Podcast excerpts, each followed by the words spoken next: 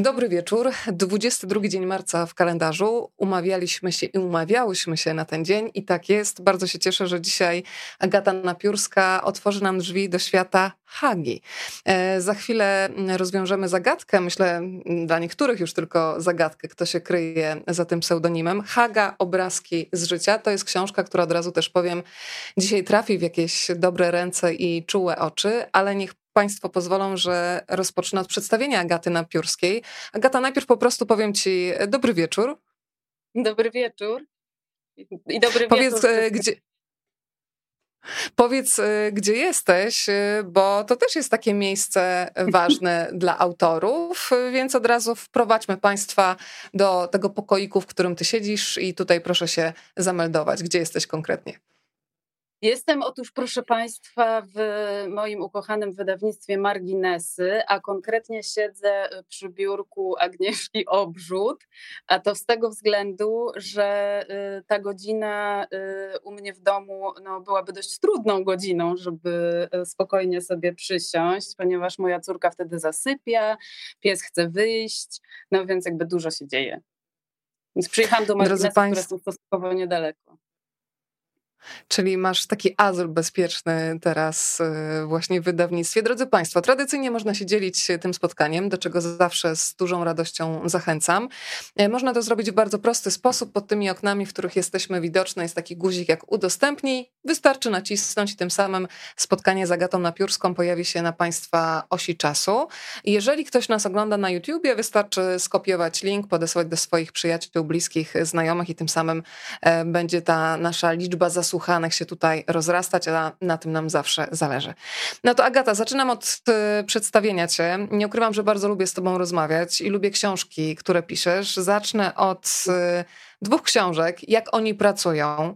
Y, to były takie książki, które pozwalały zajrzeć do środka codzienności różnych mm, osób prowadzących taki artystyczny ogólną definicję e, stworzę tryb życia. Bardzo lubię też Twoją książkę Szczęśliwe przypadki Józefa Wilkonia. Przedstawię Cię też jako naczelną i wydawczynię magazynu Zwykłe Życie. E, a dzisiaj wprowadzasz nas w życie wyjątkowej artystki, Anny Gosławskiej-Lipińskiej, tak zwanej Hagi. I bardzo się cieszę, bo to jest Twoja kolejna książka, dzięki której z jednej strony mamy szansę otworzyć drzwi do bardzo konkretnego życiorysu, prześledzić e, historię e, rysowniczki, satyryczki, ale jednocześnie jest tyle tematów uniwersalnych, o których się myśli już e, po lekturze, dotyczących i sztuki, w sensie ilustrowania, ale też sztuki życia. Bardzo dużo myślałam o miłości, o nienasyceniu, o tej trudności w pogodzeniu życia prywatnego z zawodowym, więc zacznę od takiego podziękowania ale mm, chciałabym Cię na początku zapytać o to, w jaki sposób Haga tak naprawdę trafiła do Twojego życia, bo po lekturze pomyślałam sobie, że to jednak jest niesamowite, że ten temat, ta historia czekała tak długo na opisanie. Yy, dziękuję bardzo za to wszystko, co powiedziałaś. Yy, wiesz co, to, że czekała tak długo y, na opisanie, było dla mnie też za, dużym zaskoczeniem, E, I rzeczywiście po tych e, trzech poprzednich książkach e, chciałam napisać biografię. I, I wiedziałam, że jeżeli będę komuś poświęcać tyle czasu, no bo biografia to jest mm, dużo większy nakład pracy i energii i researchu niż, niż wywiad, chociaż wywiady uwielbiam, to chcę to, do tego podejść trochę misyjnie. To znaczy wyciągnąć e, z zaświatów i z niebytu e, jakąś kobietę, która, mm, która była bardzo ważna, a potem nagle zniknęła i słuch o niej e, zaginął w, w pewien sposób. No i do tego, dlaczego Haga? Pewnego e, dnia siedzieliśmy z moim mężem w, w, naszym mieszkaniu, w takim pokoju, w którym zwykle pracujemy. Był wieczór, przeglądaliśmy książki na półkach i zaczęliśmy rozmowę mm, o jakiej kobiecie, artystce chcielibyśmy sami przeczytać biografię. No i nagle wzrok padł na album Haha Haga, wydany przez Ben Zmianę w 2015 roku. E, no i, i pytanie, te, y, te dowcipy i te rysunki są szalenie nadal aktualne. Więc najpierw uśmiałam się serdecznie, przeglądając sobie, jeszcze raz przypominając, przypominając rysunki zamieszczone w albumie. No i potem zadałam sobie pytanie, jak to w ogóle, co na pewno już ktoś nad tym pracuje.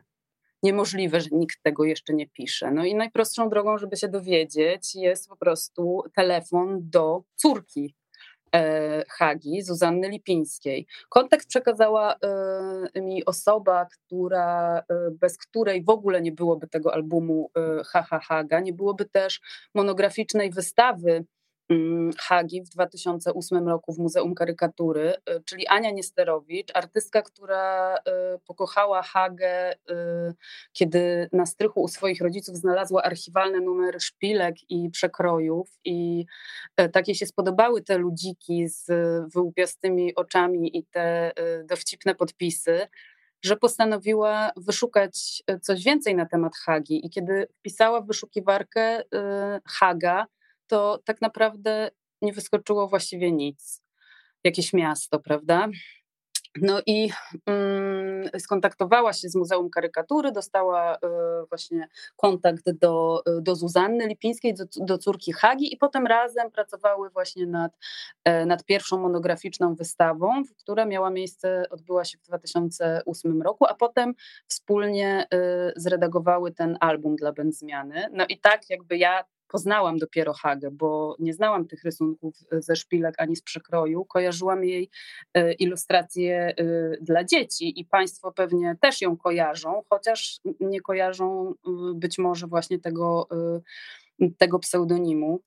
No i potem nastąpiła dość ciekawa sytuacja, kiedy wykonałam ten telefon do Zuzanny Lipińskiej do Londynu, połączenie Warszawa-Londyn. Zadzwoniłam i, i mówię tak. E, dzień dobry, nazywam się Agata Napiórska, ale pewnie moje nazwisko i tak pani nic nie powie, ale nie urwałam się zupełnie z choinki i wtedy wyszła niedawno e, książka, jak oni pracują, pierwsza część. Wilkoń chyba się szykował do druku, więc tak naprawdę byłam autorką e, dopiero jednej książki. I, I wtedy cisza w słuchawce. Mówię, ojej, coś przerwało połączenie. I nagle Zuzanna się odzywa i mówi, nie uwierzy pani, ale właśnie trzymam tę książkę w ręku. Kupiłam wczoraj na lotnisku. I tak Powiem ci, że to jest taki dowód, kiedy wszechświat ci wysyła po prostu znaki, że to jest y, ta historia, ten człowiek, tak jakbyś dostała potwierdzenie, ale no dobrze, czyli jesteśmy na tym etapie, kiedy tak. pani Zuzanna mówi, trzymam pani książkę w dłoniach. Miała jakieś wątpliwości, czy stwierdziła też, odczytała ten znak od wszechświata, że nie ma przypadków. Skoro dostaje telefon od ciebie, no to wypadałoby to odczytać jako taki sygnał, że coś jest na rzeczy i wypadało się, wypadałoby przynajmniej się nad tym pochylić. Tak, na szczęście Zuzanna wierzy w tego typu znaki i powiedziała, że, e, że już były podejścia do, do pisania tej biografii, ale no być może ona wcześniej nie była na to po prostu gotowa, bo mm, nie ukrywajmy to od, e, od spadkobiercy, spadkobierczyni i najbliższej rodziny, no wymaga dużej dojrzałości, żeby, mm, żeby udostępnić te materiały i wpuścić do tak bardzo prywatnego życia. Tym bardziej, że w przypadku Hagi mm, to były prawie jedyne teksty źródłowe. To była korespondencja między Hagą, Erykiem Lipińskim, Hagą, jej mamą Eugenią i, no i inne y, listy, które, w których posiadaniu była y, Zuzanna. Więc gdyby ona mi nie udostępniła tych licznych kartonów ze zdjęciami i z listami, ja po prostu nie miałabym zupełnie materiału na książkę, bo Haga w całym swoim życiu udzieliła tylko jednego wywiadu w połowie lat 50. E, e, wywiad dla magazynu Stolica. I to nie jakiegoś wylewnego, powiedzmy sobie szczerze, raczej taki bardzo ogólny. Za to lubiła się karmić listami, prawda? Tam takie piękne sformułowanie się pojawia w Twojej książce. Wszystkie zdjęcia i obrazki, które Państwu e, pokazują, pochodzą z książki, mm, o której dzisiaj rozmawiamy. Haga, obrazki z życia. E, państwo się już witają z różnych miejsc. Skłania się m.in. Śląsk, Londyn, Częstochowa, e, Chrubieszów, Choszczna, Choszczno widzę. Łódź. Pozdrawiam Choszczno, tak. bywam często. O proszę, no to widać, już, już, już tutaj nam się stworzyła rodzina i niezależnie od tego, zawsze to powtarzam, ale naprawdę w to wierzę, że niezależnie od tego, ile nas kilometrów dzisiaj dzieli, to emocjonalnie podczas tego wieczoru z Agatą będziemy blisko. Proszę, Państwo się tutaj uaktywnili. Łódź e, pozdrawia serdecznie, Wawer i Gdańsk. I mamy jeszcze Szczecin. Drodzy Państwo, to proszę rozgałęziać to nasze spotkanie. Guziczek udostępnij, tym samym Agata ląduje na Waszej facebookowej osi czasu. Kolejne osoby mają szansę do nas dołączyć. To y, zrobię taką sondę szybką, badania terenowe w, w internecie. Kto z Państwa pamięta na przykład taką książkę? Ja sobie od razu przypomniałam, że przecież miałam tę książkę i zapamiętałam głównie właśnie ilustracje. Wiersze Jana Brzechwy, jego opowieści to jest jedna sprawa, opowiedział Dzięcioł sobie, wydawnictwo Nasza Księgarnia, ale łapię się na tym, Agata, że bardzo często po latach pamiętam bardziej warstwę obrazkową niż nawet konkretne słowa. E, co dla ciebie było odkryciem przy przekopywaniu się przez kartony? No i kiedy przystępowałaś do pracy, na pewno już sporo wiedziałaś, miałaś jakieś wyobrażenie, ale czy były jakieś takie totalne niespodzianki, że trafiałaś na coś, czego się nie spodziewałaś? Wiesz co, najbardziej, największym odkryciem była chyba znajomość Hagi z Julianem Tuwimem i to, jak bliską oni mieli relację. Ona wtedy była jeszcze y, młodą dziewczyną, kiedy, kiedy poznała Tuwima um, po raz pierwszy, kiedy e, w wieku kilkunastu lat razem z koleżanką z ławki, ze szkoły, a chodziła do liceum imienia Wereckiej, takiego bardzo dobrego liceum, y, na które jej rodzice no, musieli oszczędzać, żeby, żeby było ich stać. E, I e, wybrały się dwie dziewczyny, fanki po prostu Juliana Tuwima, jego wierszy, wtedy już e, popularnego poety do Teatru Banda na ulicę Mokotowską, gdzie no, spodziewały się, że może tam będzie, bo on współpracował z tym teatrem i rzeczywiście był, dał autograf i tak zaczęła się ich znajomość, która wkrótce zamieniła się w przyjaźń. Znalazłam kilkanaście listów między y, Tuwimem i, mm, i Hagą. Y, no i potem ta przyjaźń po, po wojnie przerodziła się we współpracę. I to, co mnie zaskoczyło, to obielany pozdrawiają e, Znajomy człowiek, prawda? Pozdrawiam, pozdrawiam Bielany. Człowiek, który się pojawił w opowieści jakiś czas temu. o tak. No i e, o Jezus, przepraszam, wybijam się trochę, trochę z rytmu teraz. Mm, I zaskoczyło mnie to, że przecież ja znam te ilustracje Przecież ja kojarzę tę nauczycielkę z długim nosem z Zosi Samosi. I to była właśnie, to były e, rysunki e, Hagi i Państwo na pewno też je znają i znają panią Słowikową, która siedzi w gniazdku na akacji i co ciekawe e, na rysunku Hagi nie ma akacji, tylko jest dąb, z czego właśnie Julian Tuwim się naśmiewał, że nie, odróżnia, nie rozróżnia drzew. No, no, więc tak to było. A i zaskoczyło mnie jeszcze to, że oto właśnie ta, ten rysunek pani Słowikowej i te komary tam sobie leżą na talerzu. E, że i, i to było w ogóle, to była fascynująca i ekscytująca praca detektywistyczna. E, szukanie wiersza.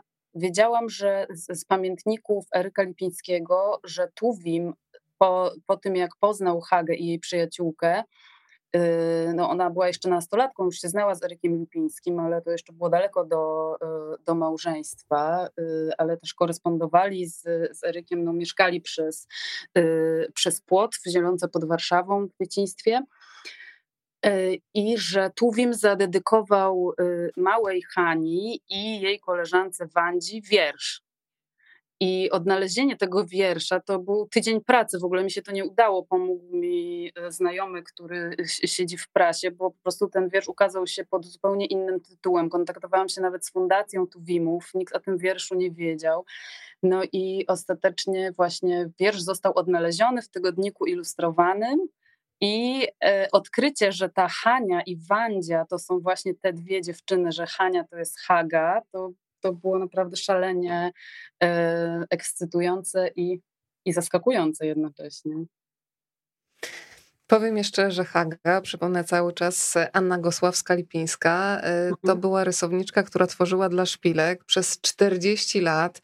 I Agata naprawdę mi uzmysłowiłaś, że to jest bardzo rzadka historia, kiedy ktoś przez 40 lat co tydzień tak naprawdę publikuje kolejny rysunek i powiedzmy, że Haga była taką ilustratorką, która jednocześnie była komentatorką e, codzienności, więc to wymaga takiego umysłu otwartego 24 godziny na dobę, takiej czujności, umiejętności syntezy, esencjonalności, oprócz oczywiście zdolności plastycznych.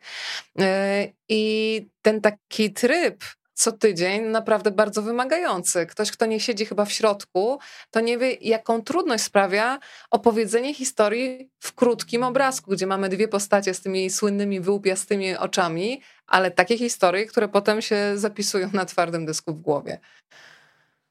E, faktycznie i e, to warto podkreślać, Haga e, była jedyną w ogóle osobą, nie tylko y, artystką i kobietą, która tak długi cykl miała w jakimkolwiek w ogóle tygodniku. E, przez 40 lat, tydzień w tydzień, y, dwa y, rysunki na łamach właśnie szpilek. Też o tym myślałam, pisząc tę książkę, że okej, okay, no to są niewielkiego formatu, wiadomo, no, ona rysowała, ona rysowała w A4, ale żeby w ogóle podsłuchać taką anegdotę, gdzieś usłyszeć i, i, i tak skomponować, żeby była zabawna i to dwie w tygodniu, no to, to naprawdę trzeba mieć genialne ucho i, i właśnie bywać w wielu miejscach, y, żeby się inspirować. Ona w tym celu no, bardzo dużo rozmawiała ze swoimi y, przyjaciółkami, koleżankami, chodziła do kawiarni, gdzie coś zabawnego usłyszała, to, y, to sobie notowała. Mm, no, cztery tysiące, prawda? To jest, to jest cholernie dużo. Tak. I tydzień w tydzień. Więc ona po prostu we wtorek y, zasiadała i tam w piątek oddawała, czy, czy w sobotę. Wydaje się, że to jest niewiele pracy, prawda? No bo, no bo te rysunki są i to często jej też zarzucano y, do siebie podobne, ale jednocześnie pozwoliły na stworzenie tak charakterystycznej i niepowtarzalnej marki. Także wystarczy spojrzeć po prostu i od razu wiadomo, że, że to jest kreska Hagi. Tak, e, w ogóle ten typ jej rysowania tak naprawdę stał się nazwą własną. Hagi, czyli rysunki, które ona tworzyła. Ta nazwa przecież funkcjonowała w takim codziennym obiegu. Dla mnie absolutnie zachwycające jest to, że patrząc na jej rysunki, mm, a dokładnie przyglądając się temu, w co są ubrani bohaterowie, można tak naprawdę powiedzieć, w jakich latach te rysunki powstawały. Ta tak. wrażliwość na detal, nawet mam wrażenie, że faktury materiału w tej zwykłej kresce czuć, no to, to nie jest codzienne, więc masz niby prosty rysunek, ale zatrzymujesz się i czytasz, no chciałabym powiedzieć, pomiędzy wierszami, to pomiędzy kreskami, no chyba tak muszę powiedzieć. Kto, tak, czy, czy hagi są twoje ulubione, czy ilustracje? Ja też przyznaję, że bardzo żałuję, że tak mało stworzyła plakatów, y, bo to też są takie plakaty, które ja bym z przyjemnością oglądała na ulicach dzisiaj na przykład. Plakatów stworzyła tylko 10. Y, pytanie dlaczego? Prawdopodobnie zadziałali tutaj y, panowie y, nazywani często spychaczami. E, czyli ta szkoła polskiego plakatu no, już się kształtowała i, no, i być może mieli większą siłę przebicia, być może ona nie poczuła się w tym mocna. W każdym razie w tym jedynym wywiadzie, którego udzieliła, powiedziała, że chciałaby się teraz zająć plakatem e, i tak naprawdę nie wiadomo, dlaczego tych plakatów e, powstało tak mało. Mm, myślę, że po prostu być może poczuła się niedoceniona, poczuła, że są lepsi albo no właśnie bardziej y, z większą siłą y, przebicia mm, panowie już tam jej deptali po piętach. Y, ale wracając do mody, to tak Haga kochała modę. I, I miała swoje ulubione pismo, francuskie L, I to, był, to, to szalenie mi się podobało, że w wielu listach do Eryka Lipińskiego, które y, wysyłała mu do Paryża, bo on y, bywał często w Paryżu na, y, na stypendiach, na, na wystawach, i, i, listy kończyły się bardzo często. Pamiętaj, przyślij mi ostatnie L. Dostałam paczkę z L, ale dlaczego nie ma któregoś tam numeru? Ona stamtąd czerpała inspirację i w ogóle informacje o tym, jak wygląda ta zachodnia moda, no bo to były szare czasy y, PRL-u i potem y, zarówno Haga, jak i jej koleżanki, y, bywalczynie, też artystki, literatki chodziły do, do pani Alinki Krawcowej i szyły sobie ubrania na podobę tych właśnie krojów z, z L. I i mm, rzeczywiście te postaci na rysunkach Hagi są zawsze modnie ubrane i można z każdego rysunku wyczytać, jaka to jest w ogóle dekada. Docenił to zresztą przekrój, który w 1973 roku poprosił Hagę o to, żeby żeby narysowała takie 30 y, y, rysunków i każdy rysunek to był jeden rok y, PRL-u, więc można sobie prześledzić dokładnie to, zresztą w książce też zamieściliśmy część tych rysunków. I tam widać po prostu wyrysowane dokładnie buty, jakie mają obcasy, jakie są dodatki do ubrań, paseczki, nakrycia głowy, kroje sukienek, płaszczy, wszystko. To jest piękne. Państwo sobie odświeżają wspomnienia. Pani Wanda pisze, pamiętam, że szpilki kupowało się dla tych właśnie fantastycznych e, mhm. rysunków. Pani Rena komentuje, tak wspaniała rysowniczka, tak mało niej wiemy, to cudowne, że przypominacie jej postać.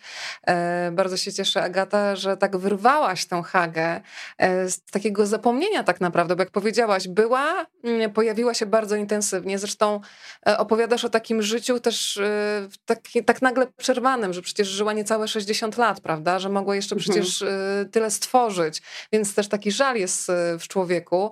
E, pani Ewa, opowiadacie o wadze artystycznej dzieł bohaterki książki i lekceważeniu w środowisku artystów jej sztuki. Ilustracja to wdzięczny język opowieści o świecie. Rzadko zdarzają się artystki i artyści, których ikonograficzny komentarz na temat rzeczywistości jest w stanie przeżyć swoją epokę. Haga to potrafiła. E, czy uważacie, że talent zaprzęgnięty w satyryczny komentarz może być pełnoprawną sztuką, czy zasługuje na to miano?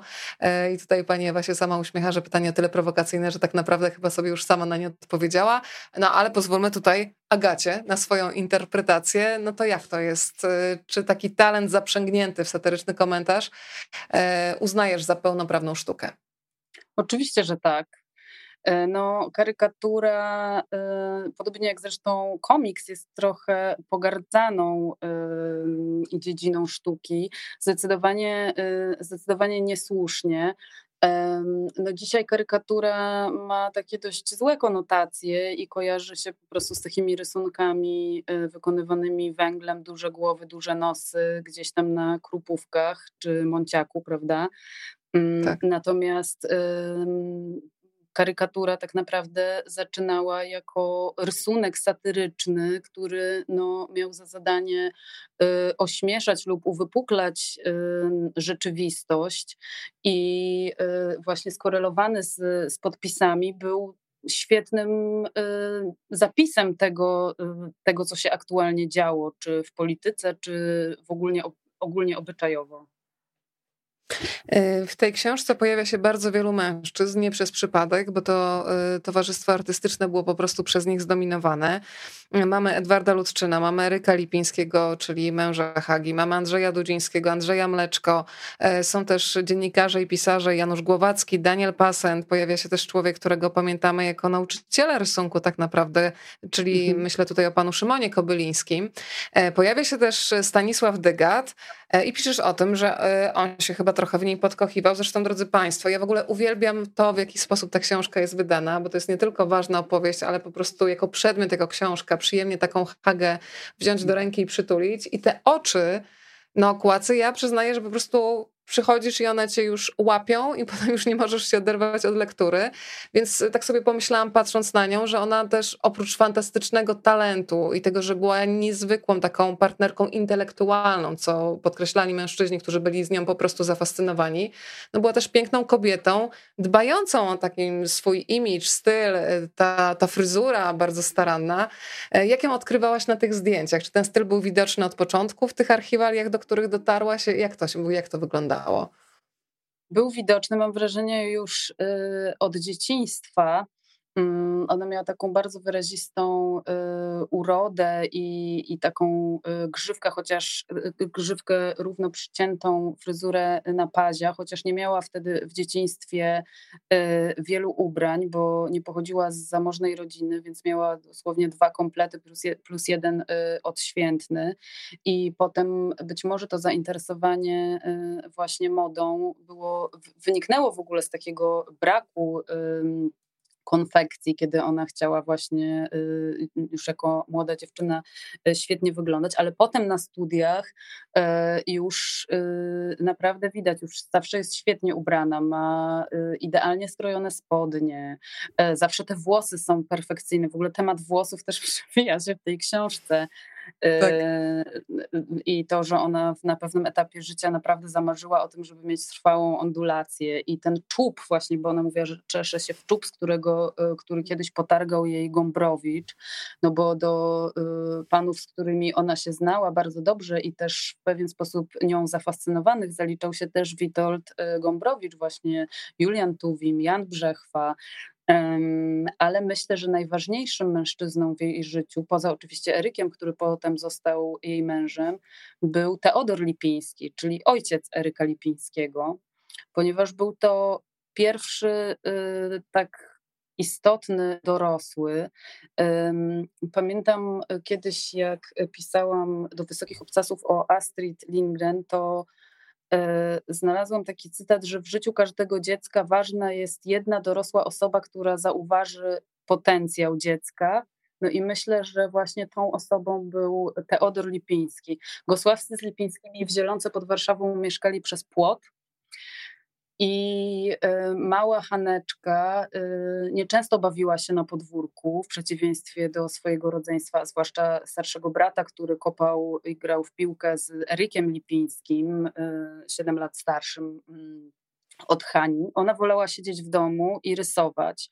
Bardzo szybko zaczęła czytać, bo już w wieku trzech lat potrafiła czytać. Uczyła się czytać, uwaga, z kawałków gazet zawieszonych w wychodku.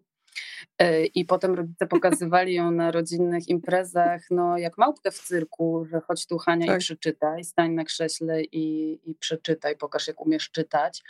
No a ten Teodor Lipiński zauważył, że ta dziewczynka rysuje, mm, podziwiał jej pracę, pokazywał jej albumy ze sztuką, ponieważ sam y, studiował y, malarstwo w ogóle w pracowni Mechofera, interesował się y, karykaturą i, i sam rysował i malował i kolekcjonował też karykatury. I tu od razu zapowiem wystawę, bo 1 kwietnia w Muzeum Karykatury rusza wystawa właśnie Teodora Lipińskiego i Eryka Lipińskiego, ich Y, karykatur, więc będzie można też poznać ojca Eryka i tego właśnie jakby drugiego ojca Hagi, można powiedzieć. Y, a skoro wspomniałaś o Muzeum Karykatury, to jeszcze dodam, że ciebie też będzie można spotkać w Muzeum Karykatury razem z Zuzanną Lipińską, czyli córką Hagi, 4 kwietnia, to będzie wtorek. Mhm. No i też bardzo ważna sprawa, że to spotkanie będzie połączone z licytacją oryginalnych prac Hagi, więc myślę, że nie jedna osoba będzie chciała y, taki oryginał artyst, artystki, o której dziś rozmawiamy, mówiąc tak kolokwialnie, upolować. Y, czy już wiesz, jakie prace będą do do y, kupienia? Jeszcze nie wiem, bo będziemy je wybierały z Zuzaną dopiero jak ona y, przyleci do Polski. No na pewno będzie y, ich kilka. Mm, no i będzie to tak naprawdę jedyna okazja, żeby te prace zdobyć, ponieważ ich, nigdzie nie ma. Zuzanna ma całe archiwum u, u siebie w domu, więc no, myślę, że nie lada gratka. A pomysł w ogóle na tę licytację prac też wziął się z książki. No nie będę tutaj zdradzać szczegółów, ale tak. Mm, ale w życiu Hagi też miała miejsce pewna y, licytacja prac, więc jest to poniekąd takie trochę dla niej zadośćuczynienie, y, żeby y, tutaj ktoś się zainteresował właśnie tymi pracami i mógł je mieć w swojej kolekcji czy domu. E, Agato, jest wiele wątków, za które Ci chciałam podziękować, ale takim wątkiem, e, którego wcześniej nie znałam albo był on rzadko poruszany, to jest wątek z e, historii pism satyrycznych w okupowanej Warszawie. No i bardzo poruszający jest moment, kiedy opowiadasz o pewnym liście wyrzuconym z pociągu. Ja pozwolę sobie fragment tylko przeczytać. E, to jest ta chwila, kiedy Eryk Lipiński po dwóch dniach przetrzymywania na szwoleżerów został wpakowany e, najpierw do samochodu osobowego, a potem przewieziono go z innymi osobami na dworzec i zagnano prosto do wagonów towarowych, e, którymi mm, ruszyli w nieznane. I jest e, taki fragment, kiedy piszesz o tym, że z pędzącego pociągu gdzieś na przedmieściach Warszawy Erykowi udało się wyrzucić przez okno list do Hagi. Napisał go ołówkiem na odwrocie projektu malowidła dla kawiarni Sztuka. Kartkę złożył solidnie na cztery części i przebił gwoździem wyrwanym z podłogi wozu. Zadresował Hanna Lipińska, Warszawa, Aleja 3 Maja 2, mieszkania 113, telefon 321 52. Wiadomość szybko trafiła w ręce adresatki. E, nie wiem, czy pozwolisz na zacytowanie tego listu, ale to już jest decyzja, która należy do ciebie, więc. Nie, no jasne, oczywiście. Tak, to, bo to jest bardzo poruszające. Zresztą też w książce Państwo zobaczą oryginał, e, ale ten fragment też pokazuje, że bardzo łatwo jakoś tak sobie pomyśleć rysunki satyryczne, lata 50., 60. i nagle dociera z taką pełną mocą do człowieka że w życiorysie tej kobiety był ten straszny moment wojny, e, o którym gdzieś tam jak się czytało w latach 50., 60., wydawałoby się, że to zniknęło, a to było bardzo poruszające przecież. I ten list Eryka Lipińskiego brzmi następująco. Moja Hanuśko, siedzę w zamkniętym wozie towarowym i jadę w nieznanym. Potem mamy fragment nieczytelny, ale dotychczas żyję i wierzę, moje dziecko, że wrócę cały i zdrów. Ogromnie się martwię, jak będziesz sobie dawała radę sprzedaj moje ubranie i kup koniecznie węgla. Poza tym przyjmij wszystkie zamówienia i nie wstydź się ich wykonywać. Odżywiaj się, moje kochane dziecko, jak najlepiej. Sprzedaj wszystko, co możesz, żebym jak wrócę, zastał tłuścioszka. O mnie się zupełnie nie martw, dam sobie radę i myśląc o tobie, wszystko przetrzymam. Bądź dzielna, bądź dzielna Ala. Serdecznie matkę całuj, twój Eryk. I pomyślałam sobie, że jeżeli ktoś w takiej sytuacji, no totalnej opresji, ma w sobie jeszcze taką przestrzeń, żeby zostawić ten żart. E, sprzedawaj wszystko, co możesz, żebym jak wrócę zastał tłuścioszka.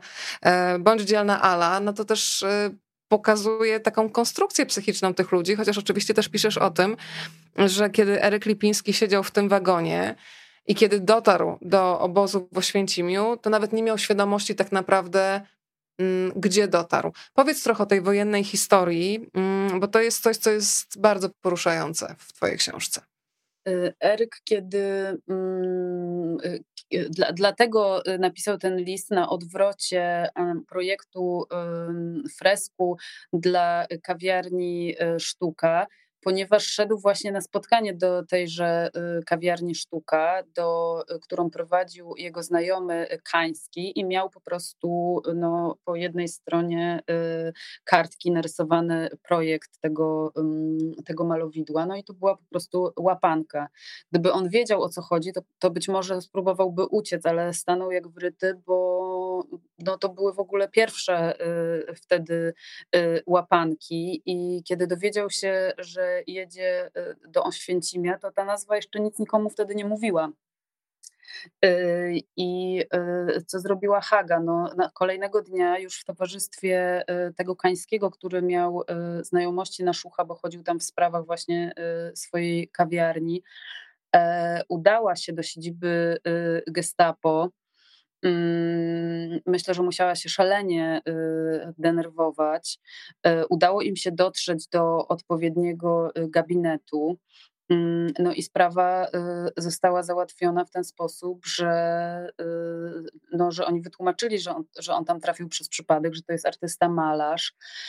E, I po kilku miesiącach e, Eryk został z Oświęcimia zwolniony, ale to nie było jego jedyne zatrzymanie. Podczas wojny był aresztowany jeszcze kilkakrotnie i za każdym razem to Haga wyciągała go z opałów i no, ratowała mu życie. Kiedy trafił na, na Rakowiecką, załatwiła szybko pieniądze, no bo jakby te łapówki były, były istotne, które trafiły do odpowiedniej kieszeni i zapewniły Erykowi zatrudnienie w, w więzieniu. On trafił do introligatorni, gdzie zresztą e, zajmował się między innymi tłoczeniem e, na teczkach dla, e, dla właśnie niemieckich żołnierzy, różnych rysunków, wzorów i, i chociażby inicjałów. I taki też prezent z więzienia przygotował dla Hagi teczkę z jej rysunkami ze szpilek.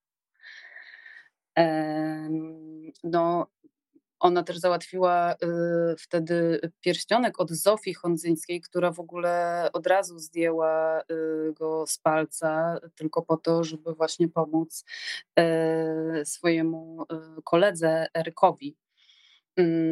Haga sama wojnę spędziła częściowo na Chmielnej, ponieważ to mieszkanie y, przy Alei 3 Maja musieli szybko zlikwidować, chociaż jak Eryk wrócił z Oświęcimia, no to przez chwilę myśleli, że wojna zaraz się skończy. No bardzo się mylili, bo to był dopiero y, rok 40.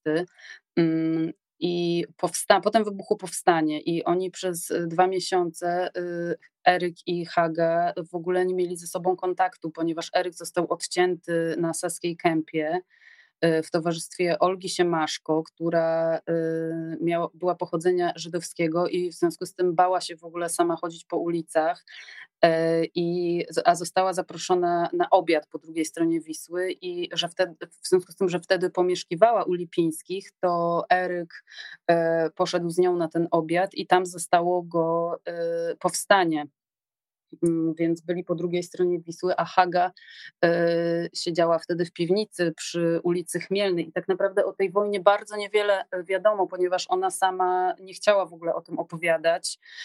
Y, wiemy, że była jedną z kobiet, które szły przed czołgami i na hasło, żeby się rozbiec, ona jako pierwsza pobiegła. Część kobiet została wtedy rozstrzelana.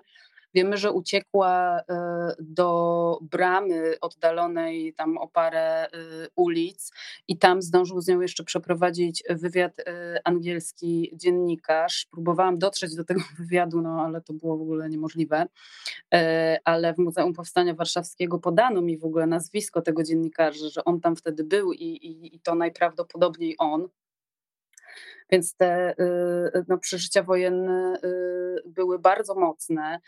Ostatecznie lipińscy spotkali się w obozie pruszkowskim, gdzie Eryk pracował jako wolontariusz, a jeszcze w międzyczasie pomagali we dwoje y, wyciągać ludzi y, z getta. Y, Eryk wykorzystywał suto swój talent plastyczny, podrabiając przepustki i inne dokumenty, natomiast Haga z matką pomagały uciekinierom, uchodźcom i znaleźć im no, bezpieczne miejsce miejsce y, y, do życia, nawet y, częściowo pracę. No i, y, i co było dalej? Spotkali się właśnie w tym y, obozie pruszkowskim. Wszystkiego nie musisz opowiadać, słuchaj. Możesz się zatrzymać tak w tej historii, wiesz, bo zaraz będzie, że opowiesz całą książkę. Ale nie, bardzo mi się podoba, wiesz, bo, bo łączysz, y, jakby tak jak wspomniałam, że ja się złapałam na tym, że wiesz, jestem w rysunkach satyrycznych, czuję się tak bezpiecznie, wiadomo, że są to mhm, czasy na przykład, których nie pamiętam, czyli lata 50., 60. i nagle sobie uświadamiam, że ta kobieta, która ma taką lekkość, która ma tę esencjonalność, ma za sobą tak trudne doświadczenia, a jednocześnie ma w sobie taką odwagę, raz, żeby walczyć o męża, ale dwa, żeby ratować też y, osoby y, żydowskiego pochodzenia, ryzykując też przecież y, bardzo dużo, bo, bo wiadomo, że to nie były gesty od takie, tylko bardzo ryzykowne sytuacje, które mogły ze sobą nieść też konsekwencje. E, powiem ci jeszcze, że jesteś już teraz, moja droga, w Szwajcarii. Sydney nam tutaj mignęło, Poczdam na pokładzie. E, bardzo się cieszę, że Państwo dołączają. Dominika jest razem z nami. E, bardzo się cieszymy, że jest ciekawie i bardzo dziękujemy za e, pozdrowienia. Słuchaj, to ten, ten, ten wątek wojenny, a powiedz, jak rozmawiałaś z panią Zuzanną, zastanawiam się, na ile ten temat mm, był jakoś obecny w rodzinie, ile ona wie o tej rodzinnej historii i na ile też chciała, dawała ci jakby taką czy stawiała w ogóle w rozmowie tamę, że na przykład tego nie chcę, żeby pani pisała w biografii, czy ten temat zostawmy? Czy, czy były jakieś takie dyspozycje, czy miałaś kompletną wolność?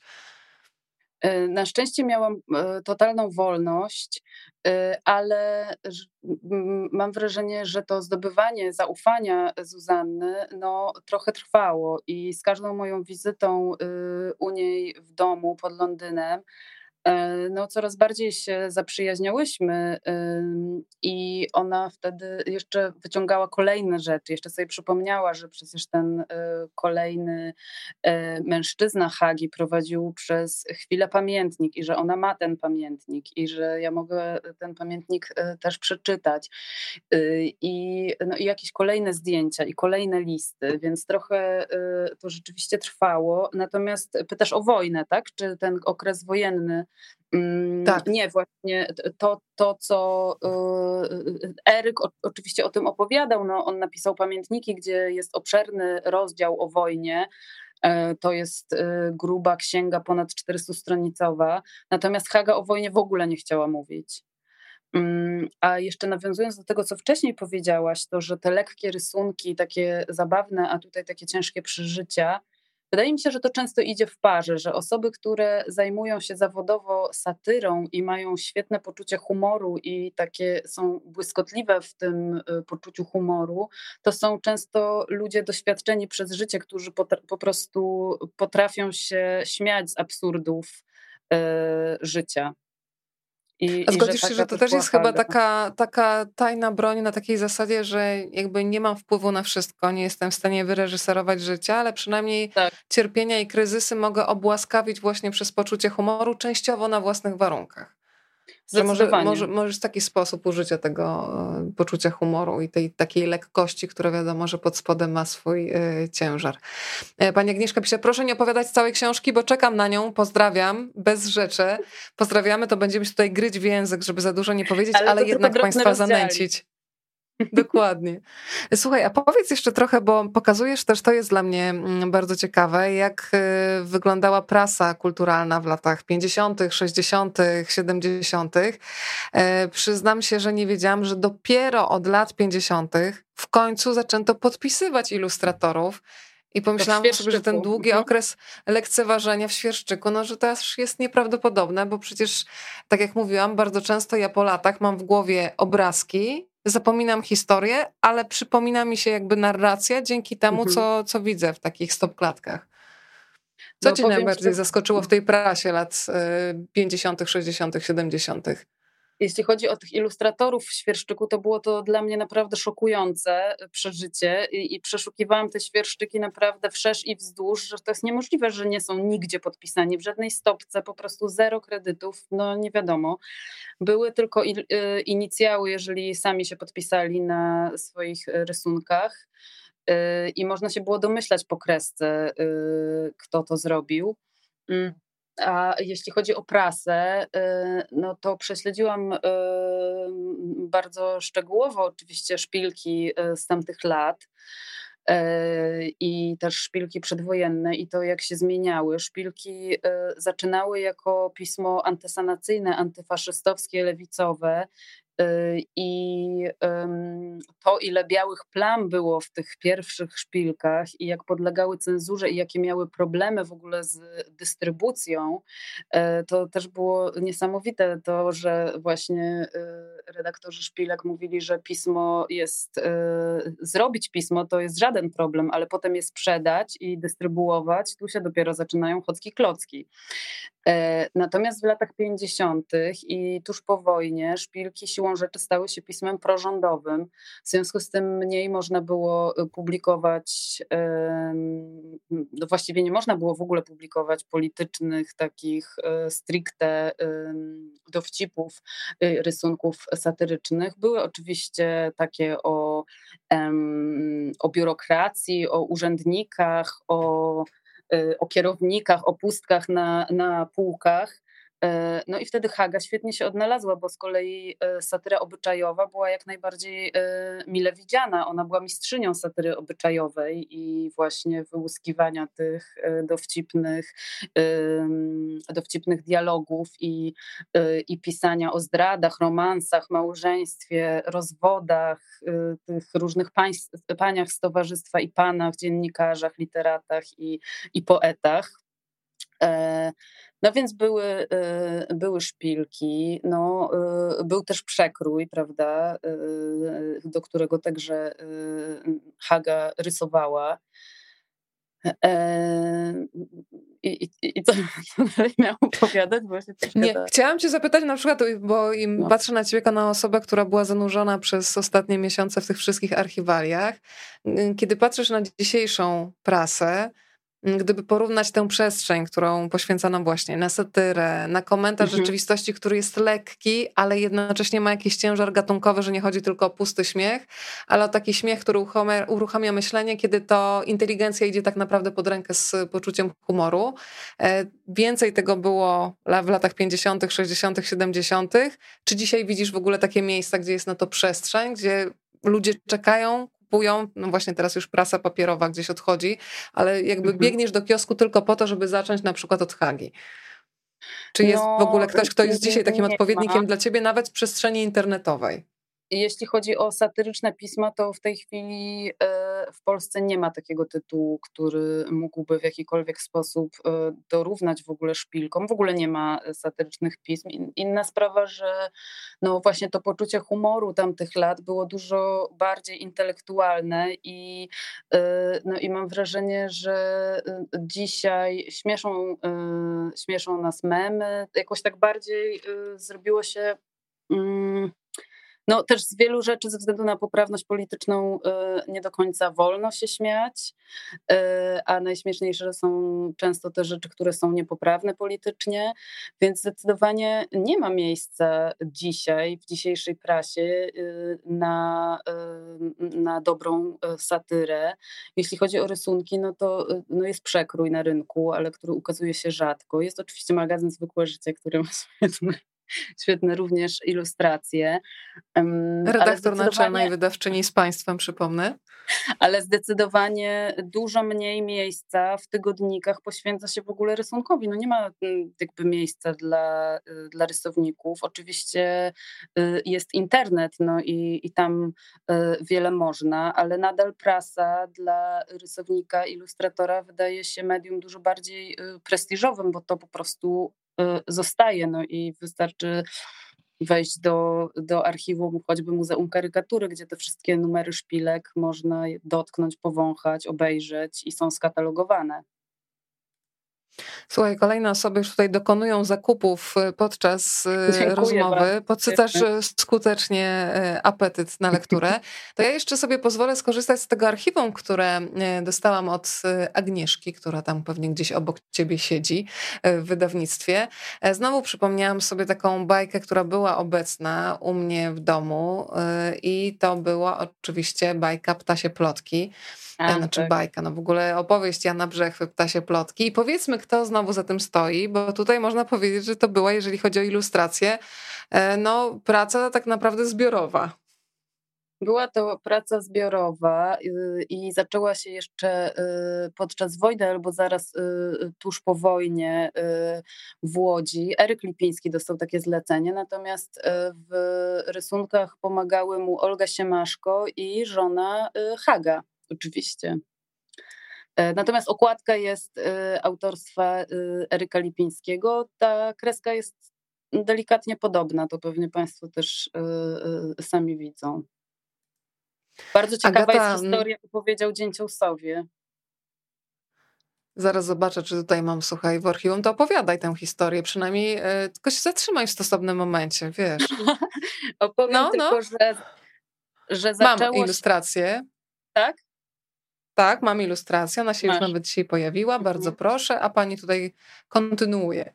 Tak, to jest, to jest pierwsze wydanie. Opowiem, jak doszło w ogóle do tego, że ta książka powstała. Zaczęło się od spotkania Eryka Lipińskiego z Janem Brzechwą i Tadeuszem y, Jańczykiem, działaczem Społem, którzy w kawiarni Fraszka, y, kawiarni, która mm, mieściła się przy Piotrkowskiej 96 w Łodzi, y, tam gdzie tam gdzie siedziba, pierwsza siedziba, to siedziba Łódzka Czytelnika, spółdzielni e, wydawniczej Czytelnik, e, spotkali się i no, srogo popili i wtedy zrodził się pomysł, żeby e, stworzyć opowiadanie dla dzieci, wiersz dla dzieci, który będzie opowiadał o idei spółdzielczości. Eryk Lipiński miał to narysować, Jan Brzechwa napisać, no a pomysł jakby najbardziej e, wyszedł od tego e, działacza z połem. No i e, Eryk Lipiński zapomniał o tym następnego dnia, podobnie jak Jańczyk, natomiast Jan Brzechwa zadzwonił i powiedział zróbmy to. Tak powstała ta książka. Kolejne wydanie całkowicie zilustrowała Haga. I to jest e, fantastyczne, bo kiedy się wraca potem e, do takich lektur, znając już kontekst, to e, między wierszami już się czyta kompletnie coś innego niż po prostu taką zwykłą opowieść, co to opowiedział Dzięciołusowie, bo to faktycznie, jak powiedziałaś, idea była konkretna, zamówienie też musiało zostać tak. spełnione. E, drodzy Państwo, w każdym momencie tego spotkania oczywiście można zadać e, pytanie. Dziękujemy za wszystkie pozdrowienia i informacje, że Państwo już zamawiają i czekają na e, lekturę w swoim własnym fotelu. I ja Cię jeszcze muszę zapytać o reakcję Zuzanny Lipińskiej. Czy już jest po lekturze? Bo tak naprawdę zatrzymałyśmy się na tym etapie, kiedy odebrała od Ciebie telefon.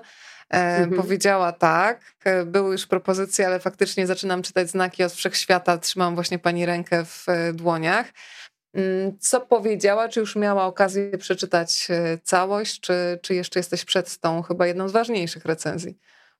Nie, Zuzanna oczywiście przeczytała tę książkę jako, y, jako jedna z pierwszych jeszcze przed wydaniem i no, powiem Państwu, że było to dla mnie szalenie stresujące, kiedy czekałam na, y, na odpowiedź mailową y, Zuzanny lub na, na telefon, bo bałam się po prostu, znam takie przypadki opowiadane przez inne autorki czy autorów, że no, książka powstała, a potem y, rodzina przeczytała i ojej, jednak w konfrontacji z tym tekstem okazuje się, że za dużo tutaj zostało powiedziane, za dużo intymnych szczegółów y, z życia, no, a, a ta książka y, pokazuje też intymny obraz relacji matki z córką, chociażby. Ona też jest o Zuzannie, więc było to dla mnie szalenie stresujące i naprawdę mało wtedy spałam.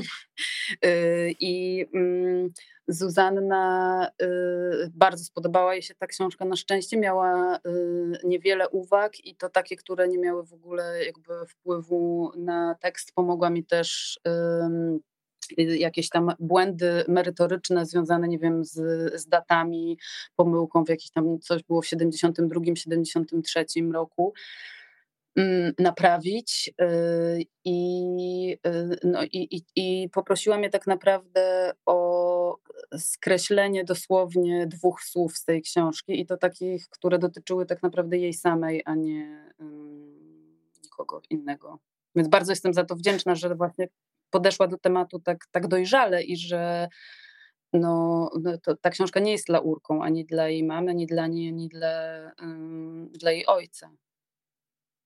Tak, to jest niesamowite, że tutaj Państwo, którzy nas oglądają, e, muszą mieć świadomość, że kiedy się dziennikarz zabiera zapisanie biografii, no to ma świadomość, że on nie pisze laurki, mm, tylko ma napisać prawdę i że może się spotkać faktycznie z różną reakcją e, rodziny. A tutaj widzę, jak z tego, co opowiadasz, takie obopólne zaufanie, czyli ja ci otwieram drzwi do swojej codzienności, e, a jednocześnie mam świadomość, że w twoich oczach to, co ci opowiadam, może wyglądać trochę inaczej, może być inaczej zinterpretowana. Tutaj szczęśliwie widzę, że to też jest chyba po prostu, tak sobie myślę, czysto po ludzku, taki ciężar, który spada z serca, kiedy się się okazuje, że to, co opisujesz, y, ktoś odnajduje siebie w tej opowieści, czyli, czyli widzi prawdę w tym.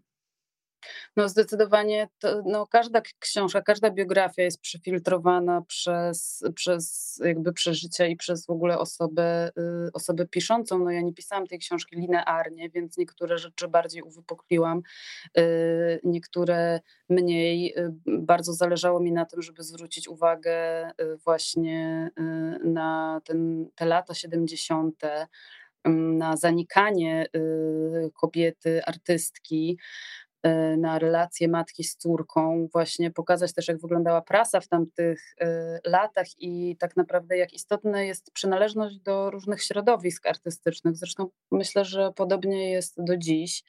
Mm, a jeśli chodzi o Zuzannę, no to jeszcze jedno znaczenie, jeszcze jedno zdarzenie było, myślę, takie dość e, przełamujące lody. I jeszcze raz nastała cisza w telefonie, a mianowicie kiedy urodziłam córkę, to Zuzanna wiedziała, że już tam gdzieś końcówka tej ciąży i zadzwoniła do mnie i, i pytano, a, a, kiedy? I okazało się, że moja córka Irena urodziła się dokładnie tego samego dnia, co ona, co Haga urodziła Zuzannę. Więc mam wrażenie, że wtedy to już. Jak tu nie wierzyć w znaki? Zostały przełamane. Państwo komentują pani Irena. Łza wokół się kręci, że takie wspaniałe osiągnięcia satyryczne, ilustratorskie coraz mniej są znane młodemu pokoleniu. Zabrakło ciągłości w utrwalaniu osiągnięć tak znaczących osobowości, dlatego warto o takich e, artystkach e, przypominać. E, drodzy Państwo, pytanie w każdym momencie można zadać. Być może nawet będą premiowane książką te pytania. Może tak Państwa też zanęcę do tego, żeby się mm, jakoś nie hamować, bo ja, ja sama wiem, że kiedy nie prowadzę spotkań i nawet mam pytanie i ktoś pyta, czy ktoś ma pytanie, to je chowam, bo się wstydzę, ale tutaj mam nadzieję, że jesteśmy w tak bezpiecznym gronie, że spokojnie, jeżeli ciekawość Państwu coś podpowiada, to proszę od razu przelewać na klawiaturę.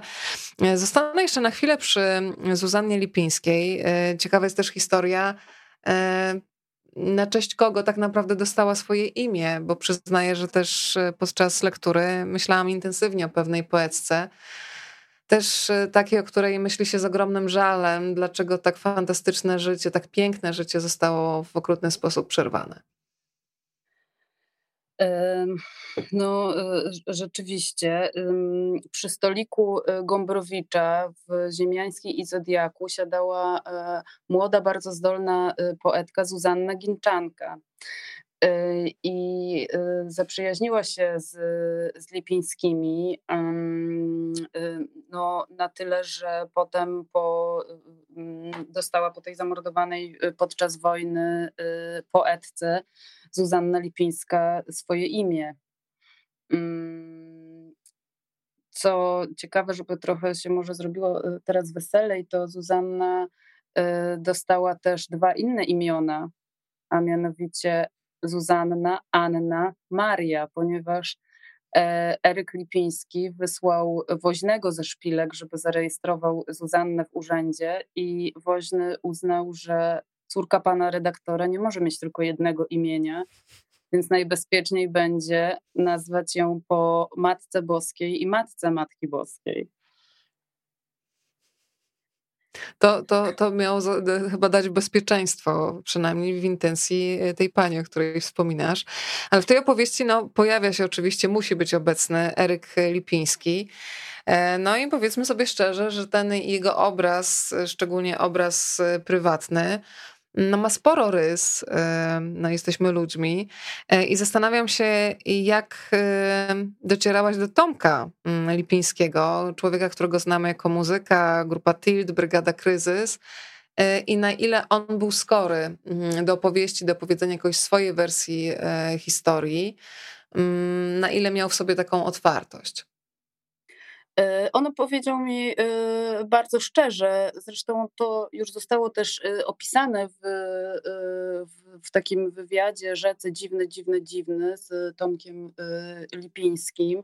Mm, bardzo otwarcie opowiedział mi o tych, mm, o tych pierwszych latach swojego życia, kiedy tak naprawdę no, Eryk Lipiński aż do ósmego roku życia nie uznawał go jako syna. Mm, on się wychowywał z, z matką, był, był dzieckiem y, z, z romansu Eryka Lipińskiego, z y, redaktorką techniczną y, Szpilek, nazywaną zresztą Szpileczką. I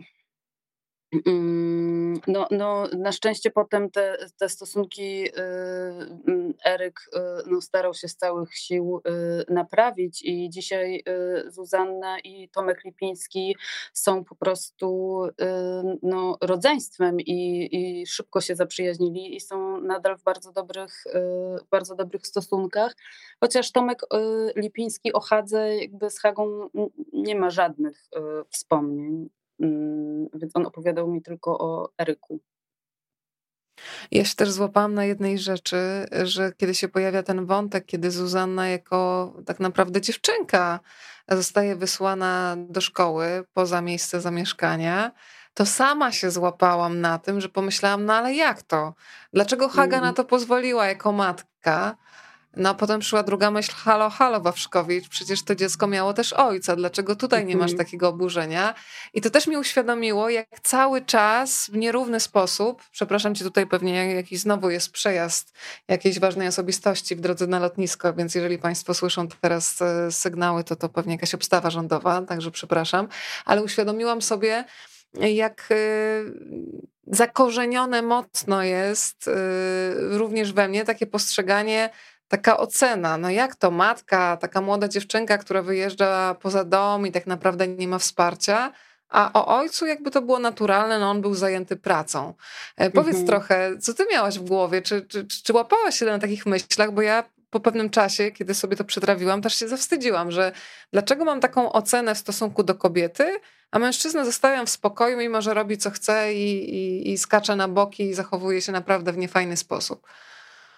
No, to jest, y, myślę, bardzo, y, bardzo złożony wątek. Y, dlaczego tak jest, że kobiety zawsze są bardziej winne? No i to z tego co wiem, jest bardzo często tematem terapii, że matkę ostatecznie wini się za wszystko, że ona nie broniła i ona jakby no, nie chroniła tego dziecka za wszelką cenę. Mm, I rzeczywiście moja pierwsza myśl była podobna że jak ona mogła na to pozwolić i, i, i, w ogóle wpaść na taki pomysł, że Zuzanna Lipińska jako ośmiolatka została wysłana do szkoły w Zakopanem. E, z dzisiejszej perspektywy to wydaje się w ogóle e, niewyobrażalne. Dla mnie, jak moja córka jedzie z przedszkolem na kulik na dwie godziny, to to już to przeżywam, a to było o całą y, drogę pociągiem, całą noc y, pociągiem y, kiedyś, prawda, no, to jechało się 12 godzin albo jeszcze dłużej z Warszawy do, do Zakopanego i ona jako dziesięciolatka już sama tymi pociągami jeździła, mieszkała z ludźmi tak naprawdę obcymi, którzy nie byli jej rodziną. No zaczęło się od tego, że Zuzanna Lipińska miała y, szalone, szalenie mm, duże y, problemy zdrowotne i to zakopane było stąd, żeby po prostu pooddychała świeżym powietrzem. E, można tutaj zauważyć takie, mm, że historia trochę zatacza koło, ponieważ Hag o, Agata na chwilę zniknęła. Jesteś. Okej. Okay. Przestraszyłam się na chwilę, pojawiasz się i znikasz, ale ci nie słyszę, Agata. Nie słychać cię. To ja cię poproszę jeszcze raz, może żebyś yy, drugi raz się połączyła. A ja w tym czasie Państwu powiem, przypomnę o tym, A że. Teraz? A teraz cię słychać. O, uf, no to dobrze. O. Mm, na czym ja skończyłam? Aha, że widać, że historia zatacza koło, ponieważ y, Haga jako mała dziewczynka, Hania, y, również była wysyłana y, do, mm, do dworu swojego wujostwa na całe wakacje albo i dłużej, żeby pooddychać świeżym powietrzem. To się pojawia właśnie w tych listach od matki Eugenii bardzo często. I no, ale to, to, był, to był dla mnie najtrudniejszy wątek do opisania przyznaję szczerze, i, i najtrudniejszy w ogóle do zrozumienia, nie tylko jeśli chodzi o, y, o Hagę, która wysłała Zuzannę, ale w ogóle o rodziców wysyłających e, i pozwalających na to, żeby dziecko mieszkało no, tak daleko od, od rodzinnego domu. E, a powiedz jeszcze, na czym Hadze już na późniejszym etapie mm, zależało, jeżeli chodzi o przekazanie takich, nazwijmy to, mądrości życiowych swojej córce? Bo myślę, że pokazywała jej, jak ważna jest mhm. niezależność, bo to też wcale nie jest takie oczywiste w latach, o których mówimy. Haga zmarła w roku 75. E, co Zuzanna, mm, kiedy ją tak pytałaś w takich rozmowach prywatnych o takie najważniejsze wspomnienia e, na temat takich, no, nie, nie chcę tego nazwać takim przekazem od matki dla córki, ale jednak. Może to nawet nie było wypowiedziane w słowach, ale kiedy patrzysz na e, bliską ci osobę, to chłoniesz nawet jej zachowania, nie potrzebujesz jakiegoś przekazu mhm. tutaj słownego i spe specjalnego e, wystąpienia na ten temat. E, co w niej najmocniej się zakorzeniło? E, wiesz co, to mm, Zuzanna e, dosłownie e, cytowała mi swoją matkę, mówiąc, że Haga powtarzała jej, że kobieta musi mieć własne pieniądze, że historię piszą mężczyźni, że żony że ról matki i tfu, żony i artystki nie da się pogodzić, że mężczyźni mają na pewno łatwiej no, to były takie czasy, że y, rzeczywiście kobiety artystki często stanowiły cały impresariat artystyczny swoich mężów i były ich sekretarkami, i były matkami, i były żonami, a dopiero w którejś tam kolejności mogły same zajmować się swoją własną, y, własną twórczością. No z Hagą było trochę inaczej, ponieważ raz, że jej córka y, no, przez długie lata była, była w, w, uczyła się w Zakopanym. E, dwa, że no, Haga bardzo dużo pracowała. E, I trzy, że myślę, że ten pseudonim Haga w ogóle zrobił dość dużo dobrego, że nie mówiło się państwo lipińscy, tylko y, Eryk Lipiński z żoną Hagą, ewentualnie ewentualnie w ten sposób. Ale to, co bardzo mi się spodobało i co znalazłam w listach, mm, to kiedy Haga pisała do swojej córki o, o tym, żeby czerpała takie drobne przyjemności z życia. I y, pisała na przykład y, to. Y, ty zarabiasz, więc ty musisz czerpać satysfakcję, kup sobie koniecznie tę turecką bluzkę, bo ona na pewno y, przyczyni się tam do, do tego, że będziesz miała trochę y, radości. Ciągle powtarzało się też y, to, mm, te takie przykazania od, odpoczynku. I myślę, że to było bardzo ważne też w życiu Hagi, żeby po prostu y, balansować pracę i, y, i odpoczynek. I, I, ona często sama jeździła do Jastrzębiej Góry, jeździła właśnie do Zakopanego i, i pisała, jak to E, opisywała dokładnie te pobyty e, w listach, jak to siedzi i odpoczywa, oddycha świeżym powietrzem. Oczywiście zabierała e, gdzie niegdzie pracę i często brakowało jej materiałów. Jedna z moich ulubionych historii to jak mm, pisze w liście do Eryka, że żeby w ogóle napisać ten list, to musiała za, zakraść się do męskiej y, łazienki i jakiemuś panu wykraść y, żyletkę, żeby móc w ogóle naostrzyć ołówek. Piękne są te opowieści, ale bardzo mi się to podoba, e, tym bardziej, że myślę, że nawet dzisiaj wiele osób e, ma takie wspomnienia. Ostatnio rozmawiałyśmy też e, z Janną Flis o takich latach 70. czy 80., to, że no, te, te, kobiety bardzo umęczone i takie poświęcające się właśnie dla rodziny, ale zmęczone bez tego odpoczynku. A tutaj raz to podkreślanie, musisz być niezależna, dwa, tak. musisz zadbać o siebie, a trzy, zarabiasz, więc masz prawo wydawać na przyjemności, a nie musisz od razu kupować jakieś bardzo przydatne rzeczy, które się przydadzą znowu, nie wiem, dla, dla całej rodziny. Anna Gosławska-Lipińska jest bohaterką dzisiejszego spotkania. O niej rozmawiamy. To informacja do tych z Państwa, którzy do nas teraz dołączyli. E, powiedziałaś o tym, o czym wspominała Haga, że te dwie role matki artystki są e, tak szczerze mówiąc nie do pogodzenia. No to zapytam cię teraz jako mamę, jak bardzo się zmienił twój tryb pracy jako dziennikarki e, jak sobie to wyobrażałaś, jeżeli się oczywiście masz ochotę podzielić, mhm. a jak to wygląda w rzeczywistości.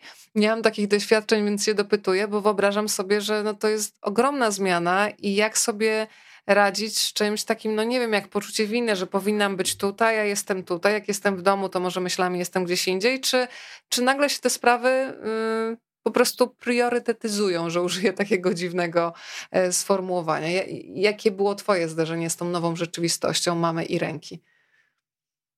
E, wiesz co, no ja uwielbiam być mamą i, e, i macierzyństwo jest dla mnie szalenie ważne, i, ale tę książkę pisałam w tym wczesnym okresie, okresie macierzyństwa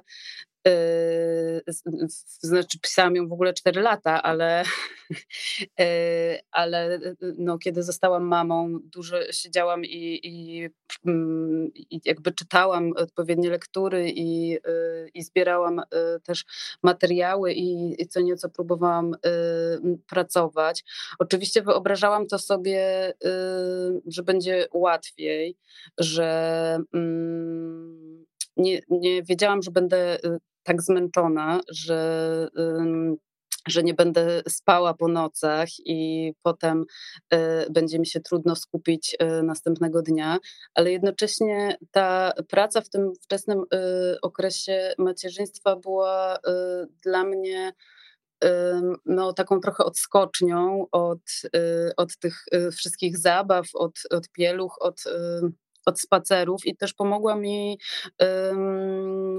to macierzyństwo pomogło mi zrozumieć e, relację matki z córką, którą, e, którą staram, starałam się e, przybliżyć w książce. No, to, co na pewno wydarzyło się, jeśli chodzi o mój system pracy, to przestałam mieć jakikolwiek system pracy.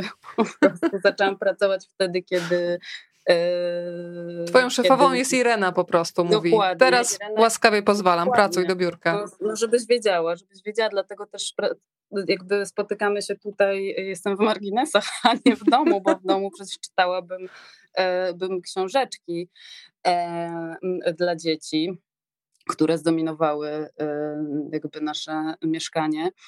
Mm, więc no, kiedy zostaje się rodzicem i jednocześnie pracuje się w domu i pracuje się y, no, się twórczo, a my z moim mężem wykonujemy dość y, podobne y, zawody i, i, i, w domu mamy pracownię, no to no jest to trudne, żeby poukładać, więc ja często, kiedy naprawdę mam już y, jakiś pilny deadline, to, to wychodzę do, do biblioteki.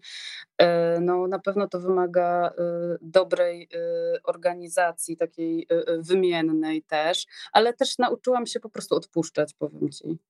I, I zawsze sobie myślę, że i pewnie nie powinnam tego mówić siedząc w wydawnictwie, ale nie ma deadline'u, którego nie da się y, przekroczyć i że właśnie jednak po prostu y, zwykłe, codzienne życie jest, y, no jest najważniejsze. No i co mogę więcej dodać? Po, Gratuluję po Ci bardzo takiego wniosku i żebyśmy wszyscy mieli takie obrazki z życia. Te z życia codziennego zdecydowanie są najważniejsze.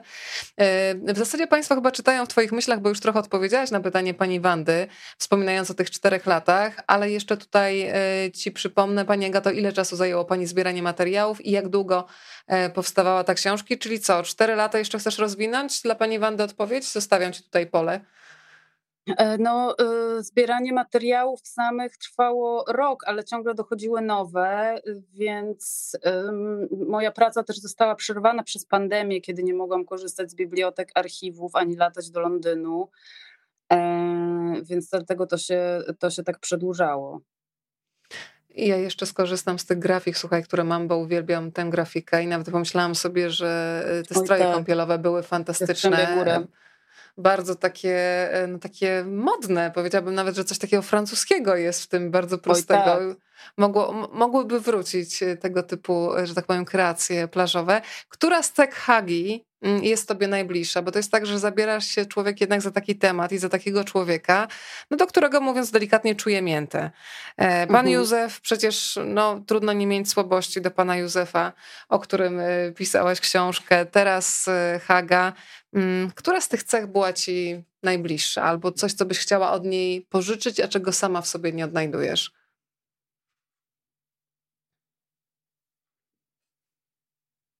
Agata, znowu cię nie słychać. Nie wiem, jak to się dzieje. Czy ja tylko nie słyszę?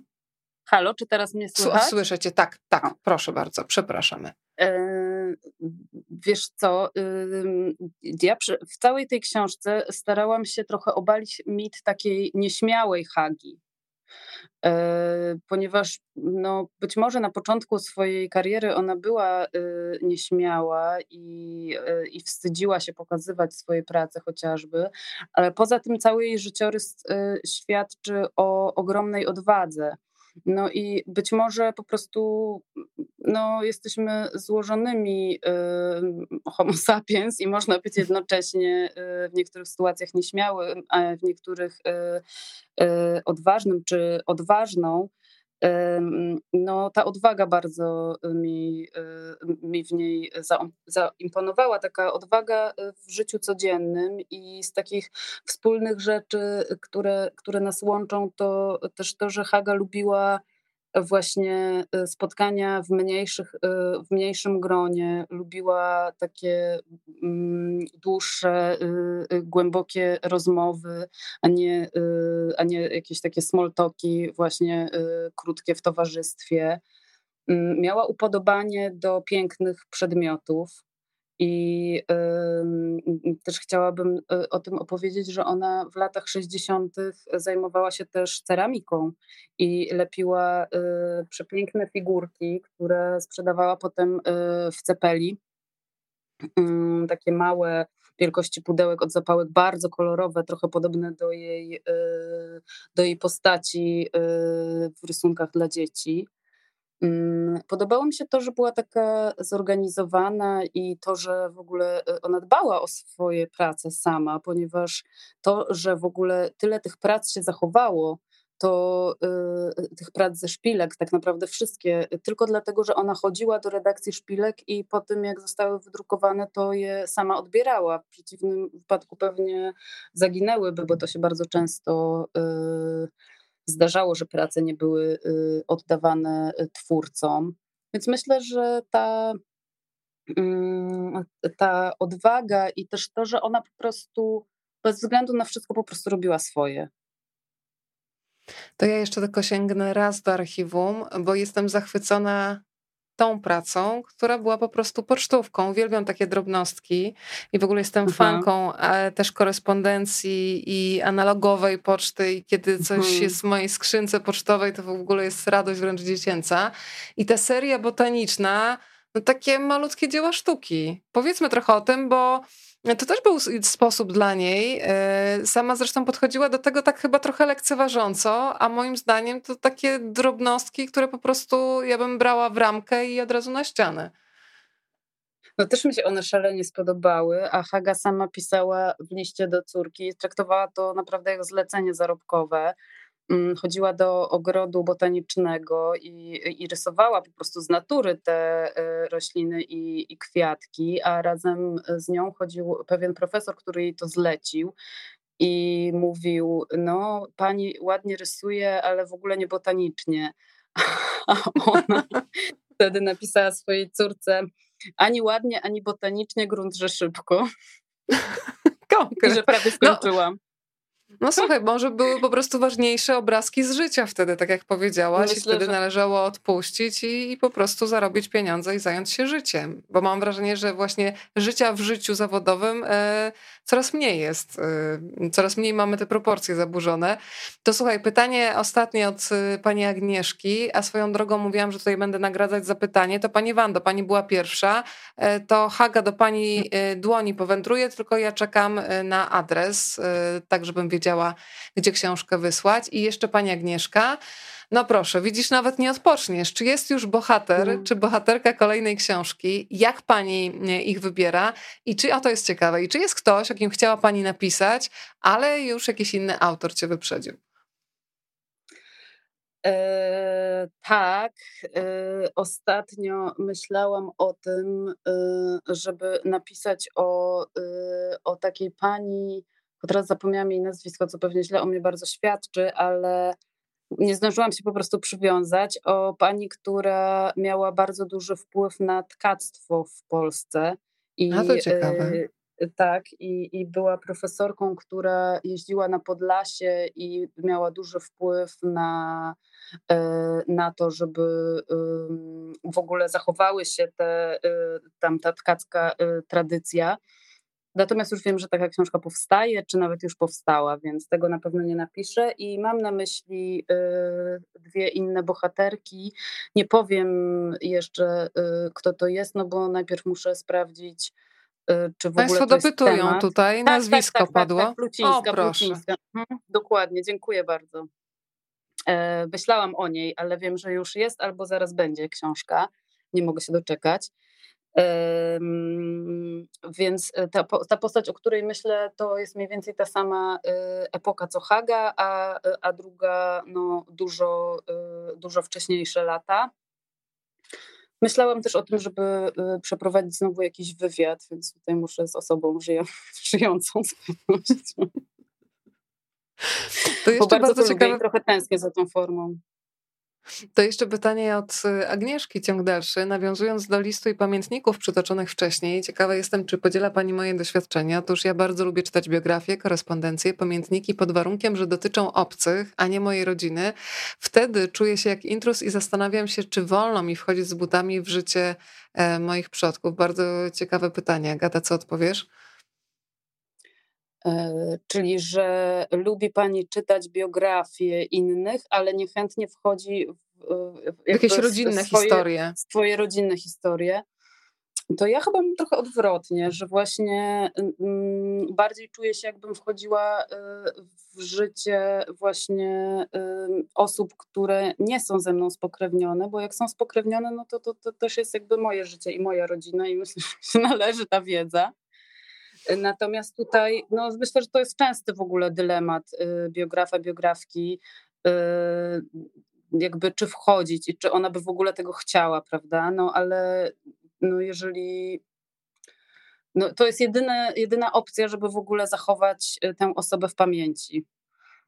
A czy jej mm, zależało właśnie na, na takiej popularności? Jak ty to rozpatrujesz? Bo ja się zastanawiałam, bo podziwiałam ją za to, że ona jakby nie rozpychałaś tak się na siłę łokciami w tym męskim towarzystwie jednak zaznaczała mhm. wyraźnie swoją e, obecność. Myślę, że była świadoma swojego talentu. Ale myślisz, że zależało jej na czymś takim jak sława, na tym, że dzisiaj, że ktoś, nie wiem, czy w ogóle sobie myślała o tym, że ktoś po latach będzie o niej rozmawiał, będzie ją wspominał? E, ja wiem, że to jest oczywiście jakieś tutaj snucie e, wyobrażeń, które niekoniecznie muszą mieć coś wspólnego z rzeczywistością, ale tak intuicyjnie, jak myślisz, na, na, na ile ten wątek takiej obecności właśnie w pamięci potomnych, jakkolwiek to patetycznie teraz nie zabrzmi. Mm, czy to było coś, co było jej bliskie? Myślisz, że zależało jej na czymś takim? Jeśli chodzi o popularność, no to y, Haga w młodości, nie napisałam tego w książce, y, w młodości y, marzyła o tym, żeby zostać aktorką, więc myślę, że ten zawód akurat wiąże się z popularnością, więc to gdzieś tam być może o tym, o tym myślała. Mm, na przykład Eryk Lipiński. E, Eryk Lipiński zadbał o to, żeby zostać zapamiętany, no bo raz, że sam napisał swoje pamiętniki, dwa, że bardzo dbał o to, żeby jego listy zostały zachowane, nawet część ich sam przepisywał na maszynie E, więc tak jakby pisząc je pewnie myślał o tym, że może ktoś je kiedyś opublikuje. On świetnie pisał, więc jakby mm, czemu nie, no ale miał w sobie pewien rys narcystyczny, powiedzmy sobie otwarcie. Natomiast Haga na pewno tego nie miała i Haga mm, no była dość skrytą osobą. Y, ja pisząc tę książkę zastanawiałam się, dlaczego tak było i czytanie śmiałość nie, mm, to, to nie był przypadkiem wstyd, ponieważ no, jej wstyd, który już tutaj może trochę popadam za bardzo w analizę psychologiczną tej postaci, ale y, Haga była DDA po prostu, a, y, a dzieci alkoholików niosą y, przez całe życie pewien rodzaj wstydu i jakoś tak sobie to połączyłam, że że być może to, że ona nie miała takiego zaplecza, jak chociażby Eryk Lipiński, pochodziła z rodziny która, w której no, nie rozmawiało się ani o sztuce, ani nie czytało się jakoś y, dużo książek, y, że być może ona trochę się, się wstydziła wchodzić jakby w to zupełnie inne środowisko. Mm, więc o tym, o tym myślałam. A czy, mm, czy ona by chciała mieć biografię? Myślę, że ostatecznie by się ucieszyła, że jest o niej książka. Też tak myślę, wiesz? To ja mam ostatnie już pytanie. Mm, zastanawiam się, gdybyś miała nazwać te takie obszary, bo, oczywiście to Państwu zostawiam, tego nie będziemy teraz już wątku rozwijać, bo mm, ten temat relacji damsko-męskich, tej relacji z, z Erykiem, gdzie nawet w tym liście jest trochę takiego ojcowskiego wręcz podejścia do niej. Mhm. Potem oczywiście ta relacja ewoluuje, mm, ale zastanawiam się, gdybyś miała tak nazwać takie momenty obszary, w których ona była spełniona i takie obszary największego jakiegoś głodu i nienasycenia. Bo są takie momenty w jej biografii, kiedy ja trzymam kciuki, że w końcu się coś uda, o czym ona marzy. Nie chcę tutaj Państwu za dużo zdradzać. Trzymam mhm. kciuki, jestem z nią, bo rozumiem jakieś jej pragnienia i zastanawiam się, gdybyś miała takie dwa obszary, Pierwszy przykład, który ci przychodzi do głowy, bo oczywiście tutaj można by wymienić. Pragnień, tak? tak, pragnień, a jednocześnie takich momentów spełnienia, kiedy mogła stanąć przed lustrem i powiedzieć: Tak, Udało zrobiłaś to dobrze, dobra robota. Bo też potrafiła się pochwalić sama przecież. I to też było tak, świetne. Tak, tak. Mówiła, sroce spod ogona nie wypadłam. To jej jeden tak. z ulubionych powiedzonek. Mm, myślę, że podróże były czymś takim.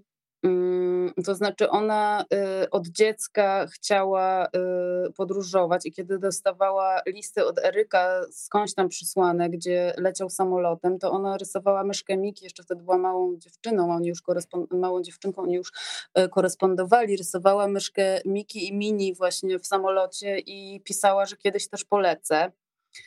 Y, I, y, I potem no, to Erik jako pierwszy tak dużo jeździł, jego ciągle nie było.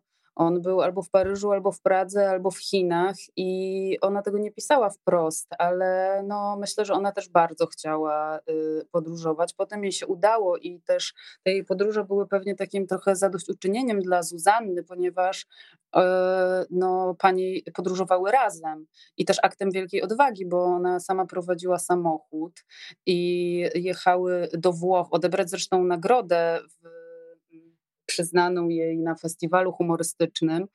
Mm, jechały przez y, no, wiele krajów, aż do Włoch, y, spały pod gołym niebem, zabrały ze sobą dwa tuziny jaj, y, po raz pierwszy jadły pastę i, i, i, i sałaty z oliwą i piły taką mocną włoską kawę. E, więc myślę, że podróże są jednym z takich e, spełnionych e, pragnień. Po to, żeby polecieć do, do Londynu, no, wydała wszystkie pieniądze pod koniec życia, tak naprawdę. A co innego?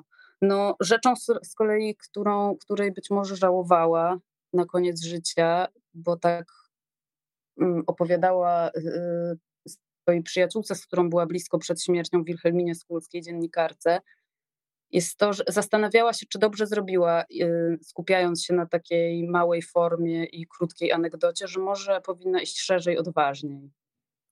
E, no, ale z drugiej strony ona próbowała i plakatu, i próbowała zlecać kilimy na podstawie y, y, ilustracji i właśnie i ceramiki, ilustracji dziecięcej. Więc dużo było tych y, form działalności. Myślę, że jako artystka też mogła czuć się spełniona ostatecznie. Um. A ja się bardzo cieszę z kolejnego komentarza. Czuję, że to bliska postać dla wielu kobiet. Bardzo bym chciała, e, drogie czytelniczki i czytelnicy również, żeby Haga stała się dla Was taką bliską osobą, bo właśnie takie książki, jak książka Gaty Napiórskiej e, pozwalają na takie spotkanie z ludźmi, z którymi być może się minęliśmy w czasie, ale wrażliwości e, za nic mają takie niszczące działanie czasu i jeżeli ten moment zostanie zatrzymany w książce, to można się faktycznie spotkać. Agata, bardzo Ci dziękuję za książkę, za Twój czas. Pozdrów Szymona i Irenę i jak najwięcej takich pięknych obrazków z życia codziennego. A w tych wolnych slotach pisz, e, bo bardzo Cię po prostu tutaj lubimy czytać, więc bardzo Ci dziękuję za spotkanie i spokojnego wieczoru i spokojnej nocy. Weronika, ja też bardzo dziękuję i naprawdę, żeby móc z Tobą rozmawiać, to bym pisała książkę miesięcznie. e, więc postaram się szybko następną skończyć, żebyś mnie znowu zaprosiła. Dziękuję Czyli... Państwu bardzo i Tobie też najbardziej. Agata Napiórska specjalnie dla mnie zostanie Remikiem Mrozem, swoją drogą Remigiusza Mroza też jak najbardziej tutaj rozmawiam, bo lubię. Pozdrawiamy. Spokojnej nocy i do zobaczenia. Dziękuję Ci bardzo. Dziękuję bardzo. Cześć. Do zobaczenia. Cześć.